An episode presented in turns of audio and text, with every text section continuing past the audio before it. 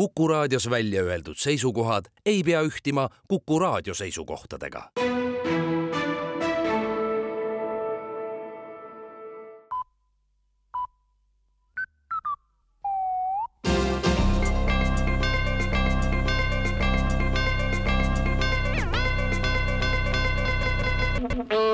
eetris on uudised ja stuudios Rohke Debelak riigikontroll pöördus eile valitsuse poole ametliku sooviavaldusega muuta Riigikontroll alates esimesest veebruarist meelelahutusasutuseks. kui Riigikontroll ei ole enam riigiasutus, vaid meelelahutusasutus, siis on Riigikontrollile ka enam selge, millises mõttelises ruumis tegutsetakse, samuti see, miks Riigikontrolli töö tulemusi valitsus ja teised otsustajad kunagi tõsiselt ei võta ja sellest mingeid järeldusi ei tee. kuulatakse, noogutatakse, plaksutatakse, küll aga rong sõidab ikka alati vanaviisi edasi ületöötamiskassa annab teada, et alates tänasest on kõikidel töötajatel võimalik soovi korral teha puhkuseampse ja nii säilitada töötasu kui ka saada puhkuseraha.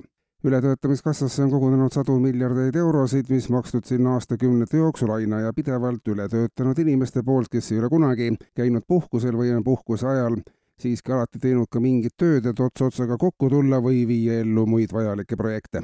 puhkuseampse võib kalendrikuu jooksul olla kaheksa, kuid mitte rohkem kui tund aega korraga puhkuseampsude liiga kergekäeline kasutamine võib lõpuks see puhkuse meki inimesele suhu jätta ja siis ta otsustabki puhkuse täies ulatuses välja võtta.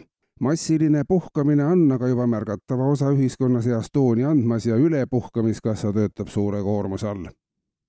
ja prügimajandusest. hiljemalt selle kuu lõpuks peavad leibkonnad endi hulgast välja valima perekonna prügivoliniku, kelle ülesandeks jääb hoolitseda, et leibkond ja majapidamine käitleb prügi vastavalt uuenenud nõuetele prügivolinik on inimene, kes suudab endale selgeks teha, mida ja millisesse prügikasti tuleb panna, kuidas liigiti koguda, kuidas kogutust lahti saada, kus kompostida ja kas kompostida, kus mitte ja kas mitte. tegemist on eraldi täistööajaga töökohaga ja selle eest tasustamise võtab enda peale riik.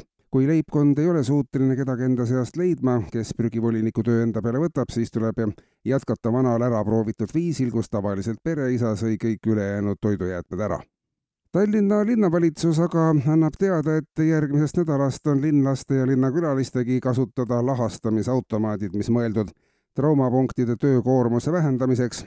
libeduse tõrjekampaania ühe osana tänavatele lisanduvate lahastusautomaatide abiga saavad libedate linnatänavate tõttu ajutiselt liikumisvõimetuks muutunud linnaelanikud kiirelt ja mugavalt lahastada ise kõiki oma liigeseid. automaati tuleb sisestada oma viga saanud käsi, jalg või muu kehaosa ja paari minuti pärast on esmased probleemid lahendatud. lahastamisautomaat töötab ID-kaardi sisestamisel ja siis on teenus tasuta, seadeldised hakkavad paiknema suuremate tänavate ääres iga viiekümne meetri järel. reklaami müümise võimalus pindadele. ja teaduse vallast. pikaajalised katsed näitavad, et õlu aitab ennetada südamehaigusi, teatavad Ameerika Ühendriikide teadlased samuti tuli teadustööst välja, et mida rohkem õlut juua, seda paremini õlu südamehaigusi ennetab katsealused näiteks, kes jõid iga päev seitse pudelit õlut, neid tabasid südamehaigused kolmkümmend kaks protsenti harvem. Neid, kes tarvitasid neliteist pudelit õlut päevas, tabasid juba südamehaigused kuuekümne kolme protsendi võrra harvem. kõige paremini ennetab aga viiekümne pudeli õlle joomine tunnis, nii käitunud katsealused said hukka enne, kui neil üldse mingisuguste haiguste tundemärgid märku andma hakkasid. teadlased ongi seda meelt, et mida rohkem õlut juua, seda vähem haigusi jõuab inimene elus kogeda. eetris olid uudised